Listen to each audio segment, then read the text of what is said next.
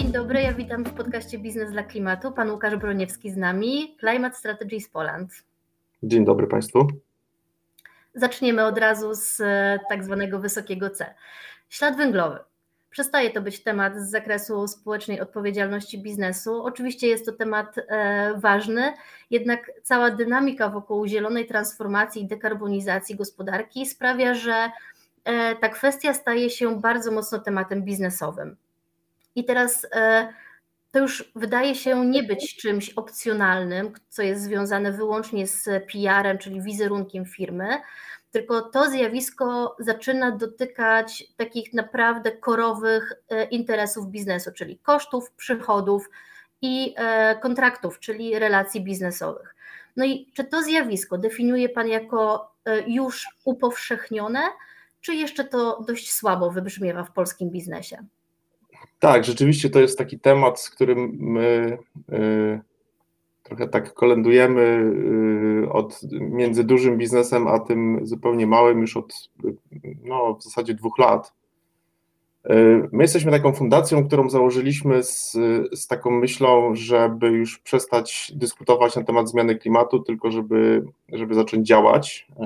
Lubimy mówić, że przekładamy dyskusję na konkret i rzeczywiście ten ślad węglowy y, jest takim konkretnym, bo mierzalnym i podpartym naukowo y, mierzalną formą oceny wpływu firm czy produktów, czy usług na klimat.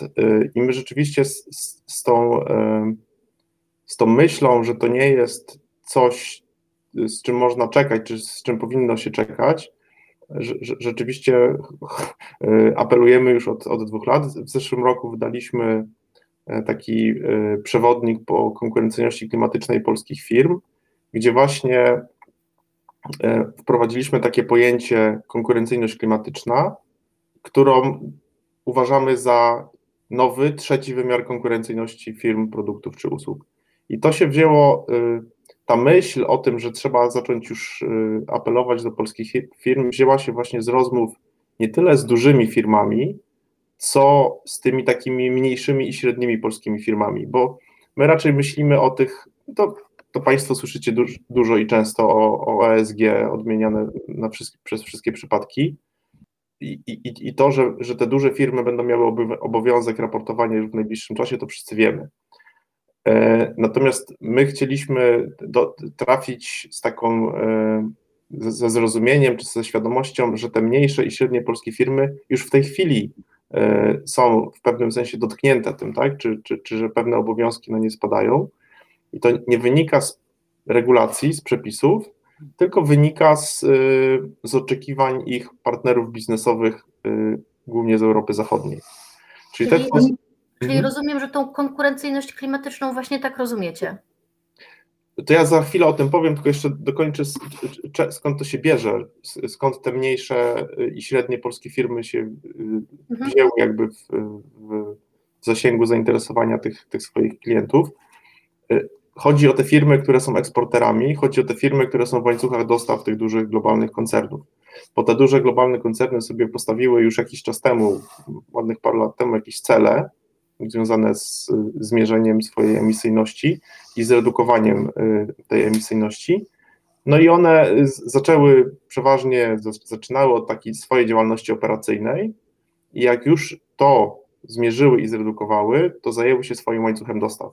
I tam są właśnie te polskie, polskie firmy, ci polscy dostawcy, którzy często już od kilku lat są proszeni o, o podawanie emisyjności swojego biznesu czy swoich produktów, no i, i tak z tych naszych rozmów wynikało, że się dość skutecznie przed tym e, bronili. Natomiast no, y, widać wyraźnie, że ta intensywność tych zapytań, czy ta cierpliwość e, tych, tych, tych, tych, globalnych koncernów się powoli kończy. Dlatego myśmy apelowali do, do firm polskich, szczególnie tych, tych, tych średnich, żeby, żeby się tematowi przyjrzeli. My konkurencyjność klimatyczną rozumiemy w taki sposób, że, y, y, no, no, że to jest po prostu wymiar, wymiar rzeczywiście konkurencyjności i firmy, i produktu. Tak jak do tej pory firmy konkurowały, zwłaszcza te polskie, konkurowały skutecznie z tymi firmami zachodnioeuropejskimi, głównie ceną, w ostatnich latach dość skutecznie jakością przy wciąż korzystnej cenie. No a teraz wchodzi trzeci wymiar konkurencyjności, czyli konkurencyjność klimatyczna związana właśnie z emisyjnością szczególnie produktów, no ale też firm. I, te, i ta konkurencyjność klimatyczna polskiej, polskich firm, polskiej gospodarki jako, jako całości, no nie jest, bym powiedział, duża, tak? Czyli jakby ta przegrywamy y, naszym miksem energetycznym tym, że, y, że, że energia, szczególnie energia elektryczna, ale też, też ciepło dostarczane do, do firm jest, y, jest dużo bardziej emisyjne niż, niż w innych krajach europejskich. Tutaj pojawiają się właśnie takie magiczne w cudzysłowie słowa, jak ślad węglowy, dekarbonizacja. Czy spotykacie się w fundacji z tym, że przedsiębiorcy słysząc te pojęcia zamieniają się w takie znaki zapytania i nagle pojawia się takie, ale po co, ale jak to, a dlaczego my to w ogóle mamy się tym zajmować, jest inflacja, e, rynki się chwieją, biznes jest niestabilny, walczymy o przetrwanie, a tutaj nagle jakieś wymagania kolejnych działań, e, które na biznes e, de facto przynajmniej w tej jakby pierwszej fazie patrzenia się nie przekładają. Mhm. Tak, to, że to jest y, y, temat nowy i średnio rozpoznany, to rzeczywiście to, to potwierdzam. Stąd y, jako fundacja prowadzimy dużo takich działań budujących świadomość czy edukacyjnych w formie warsztatów czy webinarów, zawsze bezpłatnie. Także my, nam bardzo zależy na tym, żeby ta świadomość i wiedza wśród polskich firm była jak największa, jak najszersza, więc więc te nasze eventy zawsze są, e, zawsze są bezpłatne, przeważnie są otwarte. E, I, e, i, i, i tak, rzeczywiście mm, niektóre firmy mówią nam, no my nie chcemy liczyć, bo boimy się, ile nam wyjdzie. I że wyjdzie nam dużo i to wtedy będzie źle. No to my tłumaczymy, że na szczęście jeszcze nie jesteśmy na takim etapie, gdzie ktoś byłby, czy jakaś firma byłaby wykluczana z łańcucha dostaw, dlatego że, że policzyła i że wyszło im dużo. Raczej jesteśmy na tym etapie, że, że, że te globalne koncerny, o których już wcześniej wspominałem, na razie próbują policzyć ten swój łańcuch y, dostaw, tak? ten łańcuch wartości tych, tych dostawców swoich i po prostu potrzebują dane. Czy one będą wyższe czy niższe, to na razie nie ma znaczenia. Ale oczywiście przyjdzie taki dzień, że, że producent samochodów, powiedzmy, tak, bo to, to akurat mamy tutaj w, Europie Środkowo-Wschodniej mamy sporo fabryk e, różnych, różnych producentów samochodów, które nie są, przeważnie teraz nie pracują na 100%. No i może nadejść taki dzień rzeczywiście, że, że taki tam Volkswagen analizując łańcuch dostawców, czy, czy jakby cały proces produkcji jakiegoś swojego nowego elektrycznego samochodu, z którego tam wyciskają jak najwięcej, żeby był jak najmniej emisyjny, no, zobaczą, że ta fabryka w Polsce, pracując na tym naszym polskim prądzie najbardziej emisyjnym w Europie, za, za, dużo generuje jako, jako, jako, jako, jako taka i, no i zdecydują się tą fabrykę wyłączyć, a dociążyć tam powiedzmy w Czechach czy, czy na Węgrzech. E, natomiast no jeszcze nie jesteśmy na szczęście w tym punkcie e, i, e, i, i to policzenie śladu węglowego jest pierwszym krokiem. Tu pani użyła takiego słowa rzeczywiście o dekarbonizacja, to to zawsze my namawiamy firmy, żeby to był ten kolejny krok, tak? czyli to redukowanie swoich emisji. I to się, to się generalnie opłaca firmom, bo to policzenie śladu węglowego jest taką formą trochę takiego audytu, bym powiedział, ten zakres pierwszy i drugi to jest tak naprawdę pewna forma audytu energetycznego, gdzie przyglądamy się e, zużyciom e, e, różnych mediów. No i to jest ten moment, żeby się przyjrzeć rzeczywiście, czy to, czy, czy wszystkie te zużycia są, są niezbędne, czy tam coś nie można by było jakiejś optymalizacji przeprowadzić. Przeważnie te firmy polskie są już nieźle zoptymalizowane, więc, więc no nie, nie, to nie jest też tak, że ktoś nagle odkrywa, o mogę zaoszczędzić połowę y, tutaj zużycia y, energii, no ale to jest ten dobry moment, żeby sobie, żeby sobie się temu przyjrzeć. I to nie jest też duży wysiłek w tej chwili, żeby y, zmniejszyć emisyjność y, związaną na przykład właśnie z energią elektryczną, bo sporo dostawców energii elektrycznej w Polsce ma zielone taryfy, które w istotny sposób obniżą emisyjność przedsiębiorstwa czy, y, czy dostępne są tak zwane gwarancje pochodzenia, które w pewnym sensie takim trochę księgowym pozwalają zazielenić ten prąd, który firma używa i to przynajmniej na razie nie są drogie instrumenty. To nie jest duży wydatek w, dla średniej firmy produkcyjnej, żeby sobie tak, taki prąd zazielenić. Także y, y, nie taki diabeł straszny i trzeba zrobić pierwszy krok, policzyć, zobaczyć co wychodzi, gdzie są te tak zwane hotspoty, czyli te miejsca, te punkty najwyższych emisji, to prawie zawsze pierwszym takim tym punktem to jest właśnie energia elektryczna, chyba że ktoś jakoś strasznie dużo, nie wiem, ma dużą flotę i dużo samochodów ciężarowych, no to tam może mu wyjść gdzieś tam te zużycie związane z, z flotą, ale tak to przeważnie to jest y, energia elektryczna, więc y, warto to zrobić i tak jak pani pytała, czy to jest coś nowego, trudnego, jest, dlatego tak jak w zeszłym roku my wydaliśmy ten przewodnik po konkurencyjności klimatycznej, żeby budować świadomość, tak y, postanowiliśmy w tym roku zrobić kolejny krok i dać tym małym i średnim polskim firmom do ręki konkretne narzędzie i konkretną wiedzę.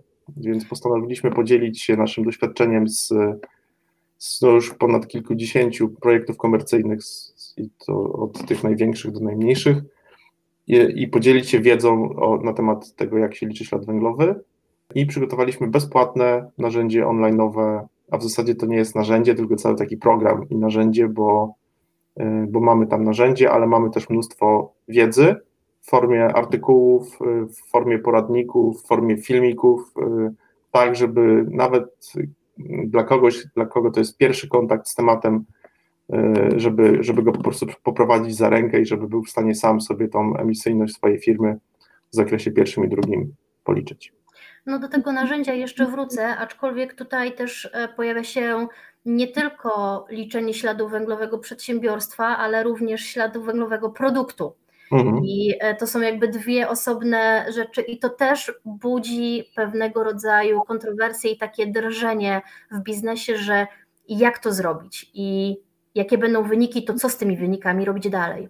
Tak, no to, to jest, y, to rzeczywiście jest, jest dużo poważniejsze wyzwanie. Y, nasz kalkulator liczy ślad węglowy organizacji w zakresie pierwszym i drugim, a liczenie śladu węglowego produktu czy usługi to jest zgodnie z tą metodologią taką najpowszechniej używaną protokołu GHG, to jest osobna ścieżka, czyli y, przedsiębiorstwo liczymy w tak zwanych trzech zakresach, pierwszym, drugim i trzecim, który jakby opisuje całość, y, całe otoczenie jakby biznesowe firmy, natomiast produkt liczymy w ujęciu albo od, od kołyski do y, bramy klienta, albo od kołyski do grobu, to się brzydko po polsku nazywa, to po angielsku lepiej brzmi from cradle to gate albo from cradle to grave.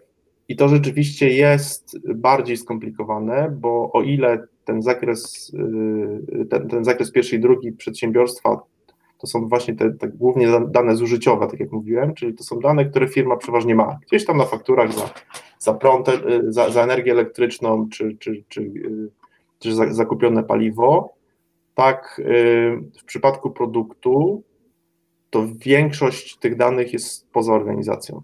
Czyli jak jestem, nie wiem, przetwórcą tworzyw sztucznych w Polsce i robię na zamówienie jakiegoś dużego producenta AGD jakieś formy odlewy, to muszę uwzględnić już etap pozyskania tego granulatu, czyli dostać informację od mojego kontrahenta, od którego kupuję ten granulat, jaka jest emisyjność tego, tego granulatu, uwzględnić logistykę między tam, tym dostawcą a, a moim zakładem, zużycia w moim zakładzie, plus logistyka na przykład właśnie do bramy klienta, tego, tego któremu to sprzedaje. No i to jest, y, to rzeczywiście jest spory wysiłek i spore wyzwanie.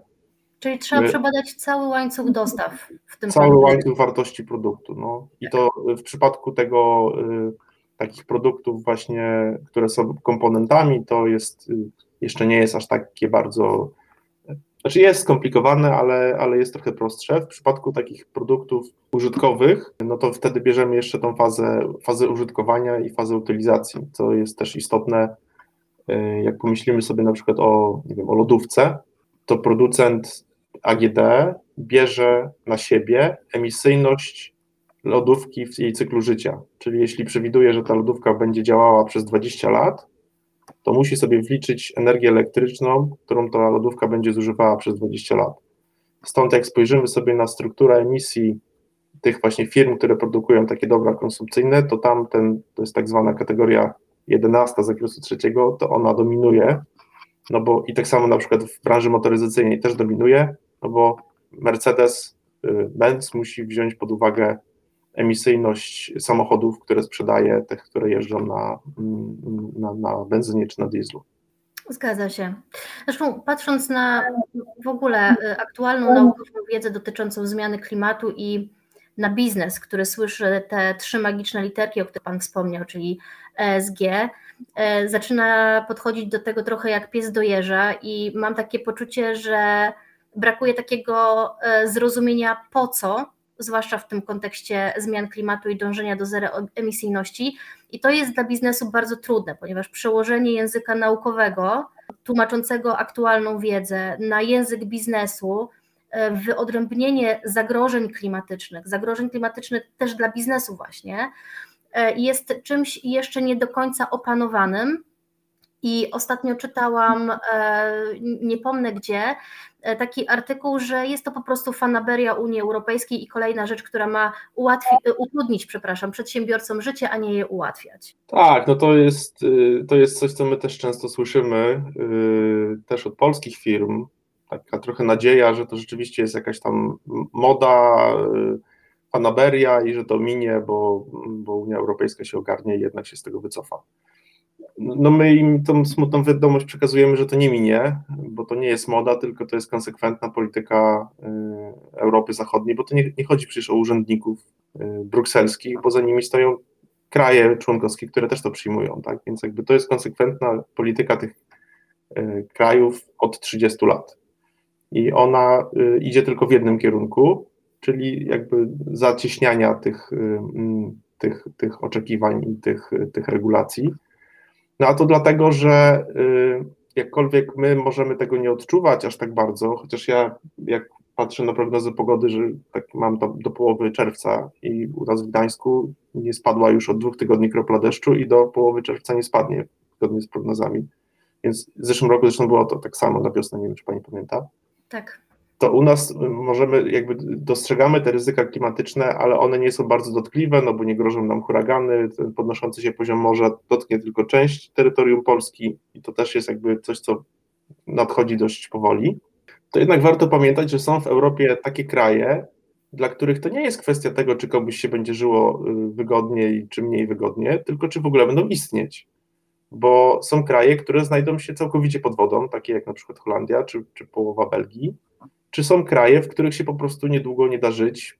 Obserwowaliśmy to teraz wczesną wiosną w Hiszpanii, gdzie, gdzie rekordowe fale upałów sprawiają, że y, no, duże części kraju za, za kilkadziesiąt lat nie będą się nadawały do, do życia. Więc jakby to jest kwestia egzystencjalna dla tych państw i no, mówiąc brutalnie, ich prawdopodobnie mało interesuje to, czy w Polsce to się komuś podoba, czy nie, bo, no bo dla nich to jest po prostu bardzo ważne. Więc y, jak się ma w tym biznes, no ja też bym raczej y, sugerował patrzeć na to, jak, jak na tą szansę patrzą te, te firmy z Europy Zachodniej, że raczej jednak postrzegają to jako y, jakiś biznesowy opportunity niż, niż, niż kolejna niedogodność. To oczywiście wymaga pewnych nakładów finansowych, są takie branże, które no, muszą się całkowicie przebudować, tak? taka jak na przykład wytwarzanie y, stali czy, czy produkcja y, cementu. Widać wyraźnie, że tam trwają bardzo intensywne prace, żeby też w pewnym sensie zazielenić czy zdekarbonizować te produkty, bo to warto pamiętać, że sama branża cementowa globalnie odpowiada za 8% emisji. Więc to, czy się uda opracować nowe technologie produkcji cementu mniej emisyjne, no to, to będzie miało istotny wpływ na, jakby na, na całość e, emisyjności globalnie. Więc to są duże wyzwania dla biznesu oczywiście, no ale to jest jak, jak, mi się wydaje, że jak ktoś prowadzi biznes, to musi być racjonalny, tak? I racjonalnie podchodzić y, y, do tego, co się dzieje. I no, można się obrażać na rzeczywistość, albo można próbować jakoś na tym skorzystać. I, i my apelujemy do firm i, i, staramy się pokazać tym firmom, z którymi pracujemy, że to może być szansa dla nich, zwłaszcza teraz, w takim wyścigu, kto pierwszy, ten lepszy. Y, bo z jednej strony jest oczywiście ten Kijek, o którym mówiłem, że ktoś tam wypadnie z łańcucha dostaw, a z drugiej strony to też rozmawia, też z, z rozmów z, z, naszymi partnerami, z którymi pracowaliśmy, to oni mówią super, my mamy teraz to policzone, mamy mm, przygotowaną strategię redukcji, to możemy przy następnych rozmowach o warunkach handlowych z tym naszym klientem z tego skorzystać, bo, bo oni mówili jasno, albo spełnimy te ich oczekiwania i będziemy mieli argument przy negocjowaniu ceny, przy kolejnych e, negocjacjach handlowych, albo oni wykorzystają to przeciwko nam. I oni powiedzieli dość otwarcie: nie, nie, spodziewamy się, żeby w tym roku nas wyrzucili z łańcucha dostaw, ale spodziewamy się, że wykorzystają to przeciwko nam, żeby nam jeszcze dokręcić śrubę, jeśli chodzi o warunki handlowe. E, no właśnie, to są takie bardzo realne zagrożenia dla biznesu, bo wydają się to być dosyć oczywiste, że jeżeli biznes e, polski czy nadąża, czy nie, czy się godzi z rzeczywistością, czy się nie godzi, jeżeli wypadnie z łańcucha dostaw, to to są ogromne, realne straty finansowe, zatem nie pozostaje nic innego, tylko po prostu dostosować się do nowych standardów ESG i przyjąć to, ten ciężar kolokwialnie mówiąc, na klatę, wykonać tę pracę, e, przygotować się do raportów, jeżeli e, będą, będzie to konieczne i po prostu zacząć e, działać w sposób zrównoważony. No to jest, to jest tak, że y, warto pamiętać, że ponad połowa polskiego PKB jest zależna od eksportu. A, a z, y, jeśli, jeśli popatrzymy na kierunki eksportowe, to 75% polskiego eksportu idzie na rynki Unii Europejskiej, więc to rzeczywiście to nawet nie jest kwestia wyzwania dla firm, ale dla całej polskiej gospodarki. I tu powiedziała Pani, że żeby ten ciężar przyjąć na siebie, to nie musi być ciężar, bo to tak jak mówiłem, w przypadku na przykład tego naszego narzędzia zależało nam na tym, żeby ta bariera wejścia była tak bardzo obniżona, jak tylko się da, więc to się ani nie trzeba mieć specjalnej wiedzy wcześniejszej, ani nie trzeba nic za to płacić, żeby zrobić ten pierwszy krok.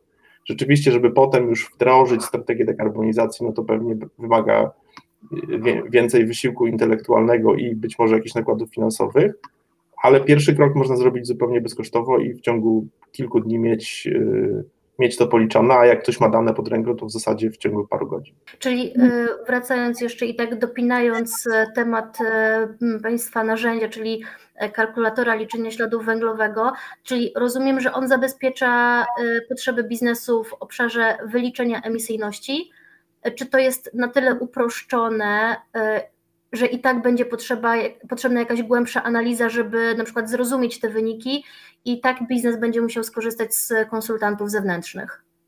Nie, to żeby zrobić pierwszy krok, czyli żeby policzyć emisyjność przedsiębiorstwa w zakresie pierwszym i drugim, a to przeważnie jest to, o co te polskie firmy są proszone jakby właśnie na początku, w pierwszym kroku, to żeby to zrobić, y, nie trzeba ponosić żadnych dodatkowych kosztów.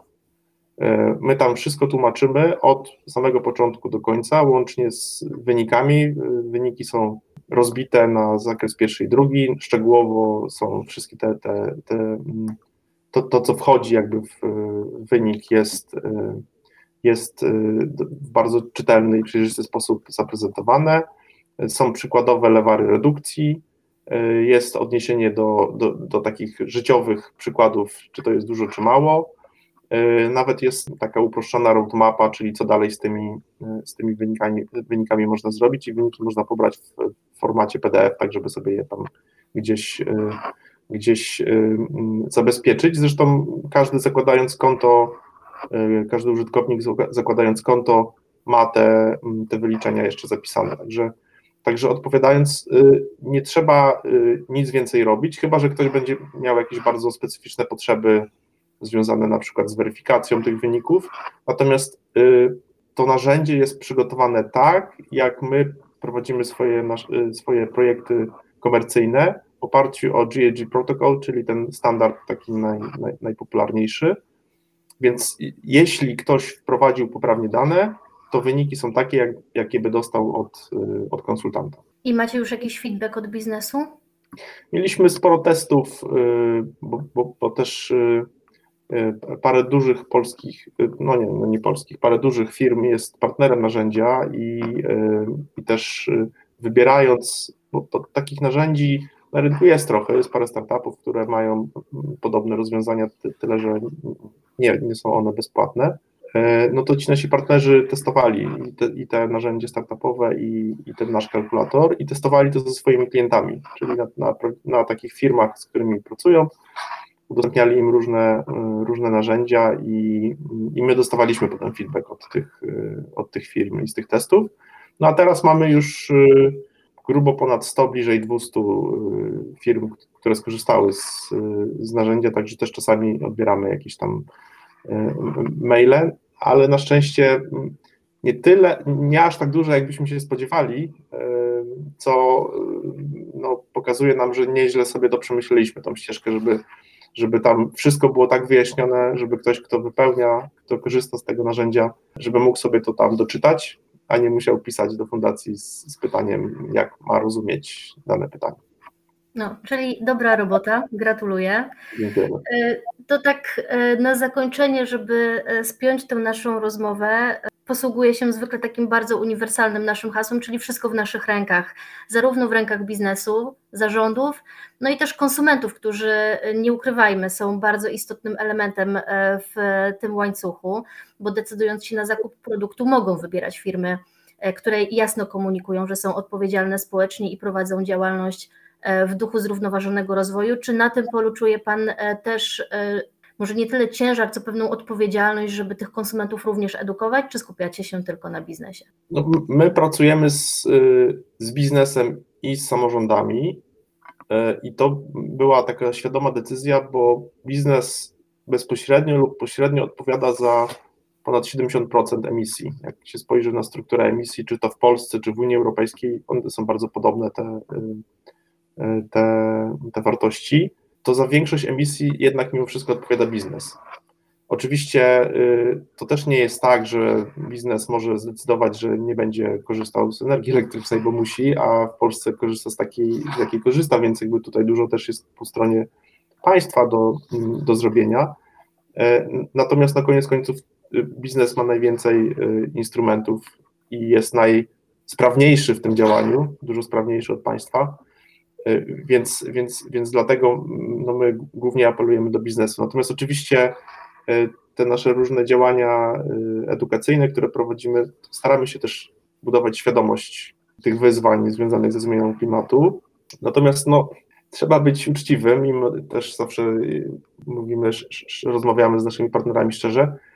To nie jest w tej chwili taka, taki atrybut, który by w Polsce sprzedawał produkty no nie ma co się oszukiwać, że wciąż cena jest, jest, jest kluczem y, i, i konsumenci podejmują decyzje głównie w oparciu o cenę, trochę o jakość, a ta zieloność jest jednak gdzieś tam w najlepszym wypadku na trzecim miejscu.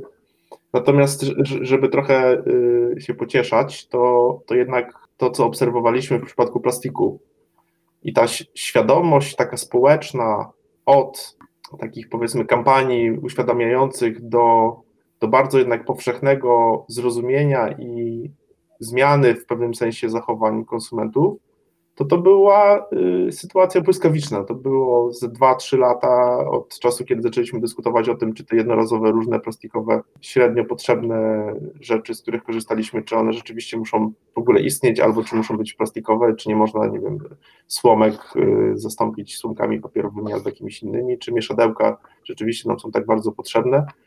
Więc, y, więc to poszło bardzo szybko i ta świadomość konsumentów w Europie Zachodniej jest trochę wyższa niż w Polsce, no ale to wiele sytuacji życiowych, tak, czy, czy, czy, czy jakichś innych rozwiązań, tak, tak właśnie wyglądało, że, że w Europie Zachodniej się przejęły trochę szybciej, a u nas ciutkę później, ale y, no to można się spodziewać, że to też u nas nastąpi. I, i rzeczywiście ta świadomość często świadomość wpływa na, na decyzje i na zachowanie konsumentów i my mamy taki fajny przykład co prawda ze Skandynawii, ja wiem, że to jest trochę inna, właśnie in, tam wrażliwość jest trochę inna, ale sieć supermarketów y, w Norwegii wprowadziła na paragonach, na, na, na, na paragonach, które y, klienci dostawali, wprowadzili y, informacje o emisyjności tego, co oni zakupili. Czyli była nazwa towaru, była cena i była emisyjność tego produktu. No i to, co zaobserwowali po paru miesiącach, to na przykład y, y, spadek y, sprzedaży czerwonego mięsa w tych supermarketach tam spadło o 70%, tak? No bo to było to, co przypadku produktów żywnościowych miało przeważnie największy ślad węglowy, no to konsumenci widząc to zaczęli podejmować po prostu inne decyzje zakupowe. Czy tak będzie w Polsce?